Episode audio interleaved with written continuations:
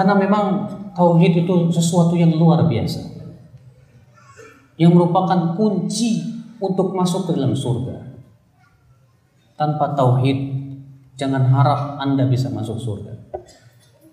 Allah berfirman, "Innahu may yusyrik billah faqad harramallahu alaihi jannah."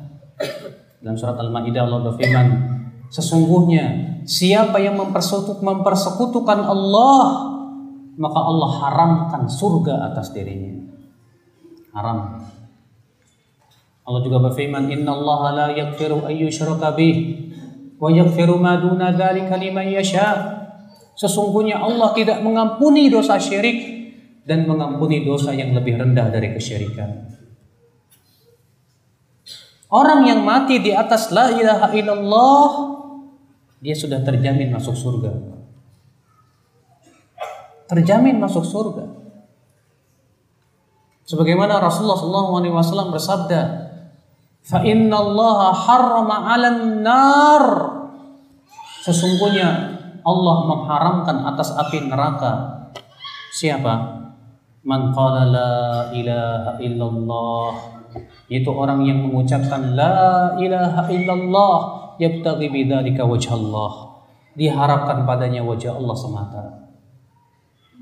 Dalam riwayat Muslim dari hadis Abu Dzar Rasulullah bersabda man qala la ilaha illallah dakhala al jannah. Siapa yang mengucapkan la ilaha illallah, dia pasti masuk surga.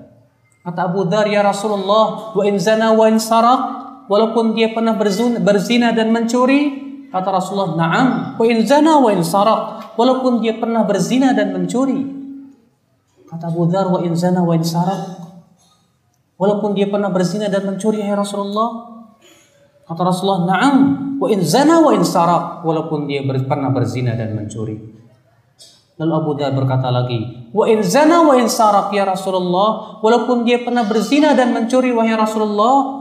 Kata Rasulullah, "Wa in ragima anfu Abu Dhar." Walaupun Abu Dhar tidak suka itu. Ya. Orang yang mati di atas la ilaha illallah, dia sudah mendapatkan apa? Kartu jaminan masuk surga. Antum pengen dapat kartu jaminan masuk surga? Itulah ucapan la ilaha. Dan pada hari kiamat nanti memang berbentuk kartu, Pak. Sebagaimana Ibnu Majah meriwayatkan dalam sunannya. Dan ini juga menunjukkan keutamaan tauhid yang lainnya. Kata Rasulullah yusahu birajulin yaumal qiyamati amamal khalaiq. Nanti pada hari kiamat akan dipanggil seorang laki-laki di hadapan seluruh makhluk. Fatu'radu lahu tis'atun wa tis'una lalu ditampakkan diperlihatkan kepada dia 99 catatan. Kullu sijillin mad maddal basar. Setiap catatannya itu sejauh mata memandang isinya dosa. 99 catatan setiap catatannya sejauh mata memandang isinya dosa. Lalu Allah Ta'ala berfirman kepada si hamba ini apa kata Allah Atum hadza? Apakah engkau mengingkari dosa-dosamu ini? Siapa berkata la ya Rabb. Tidak ya Allah. Alaka udzur? Kamu punya alasan? Tidak ya Allah. Adzalamat kata batil hafidhun? Apakah malaikatku yang menulis apa namanya amalanmu telah mendolimi kamu? Siapa berkata lagi tidak punya. Tidak juga ya Allah. Semua ini memang dosa si hamba ini sudah yakin akan dimasukkan ke dalam api neraka. Lalu Allah berfirman, "Bala innalaka indana hasanah."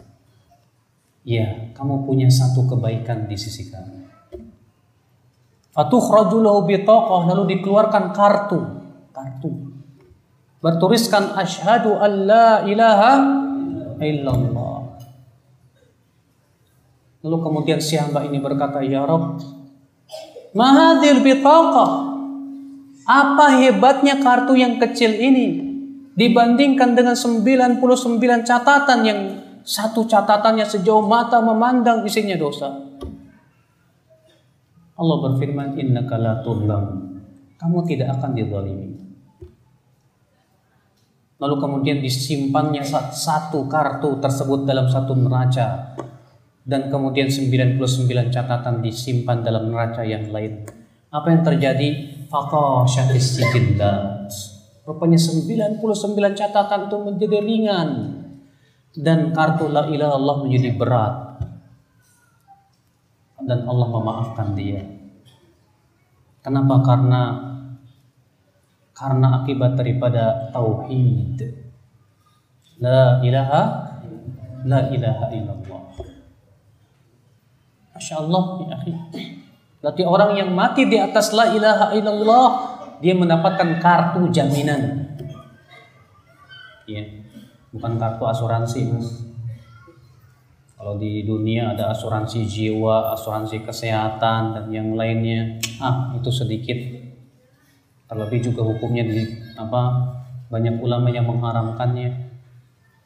Tapi yang jadi masalah ini yang kita harapkan, yang kita ingin dapatkan adalah kartu jaminan masuk surga. Kita ingin supaya kita wafat di atas apa? Tauhid. Semua kita ingin sekali akal Islam. Ketika kita di akhir hayat kita, ketika kita sakaratul maut, kita bisa mengucapkan la ilaha illallah. Itu yang kita harapkan ya Islam.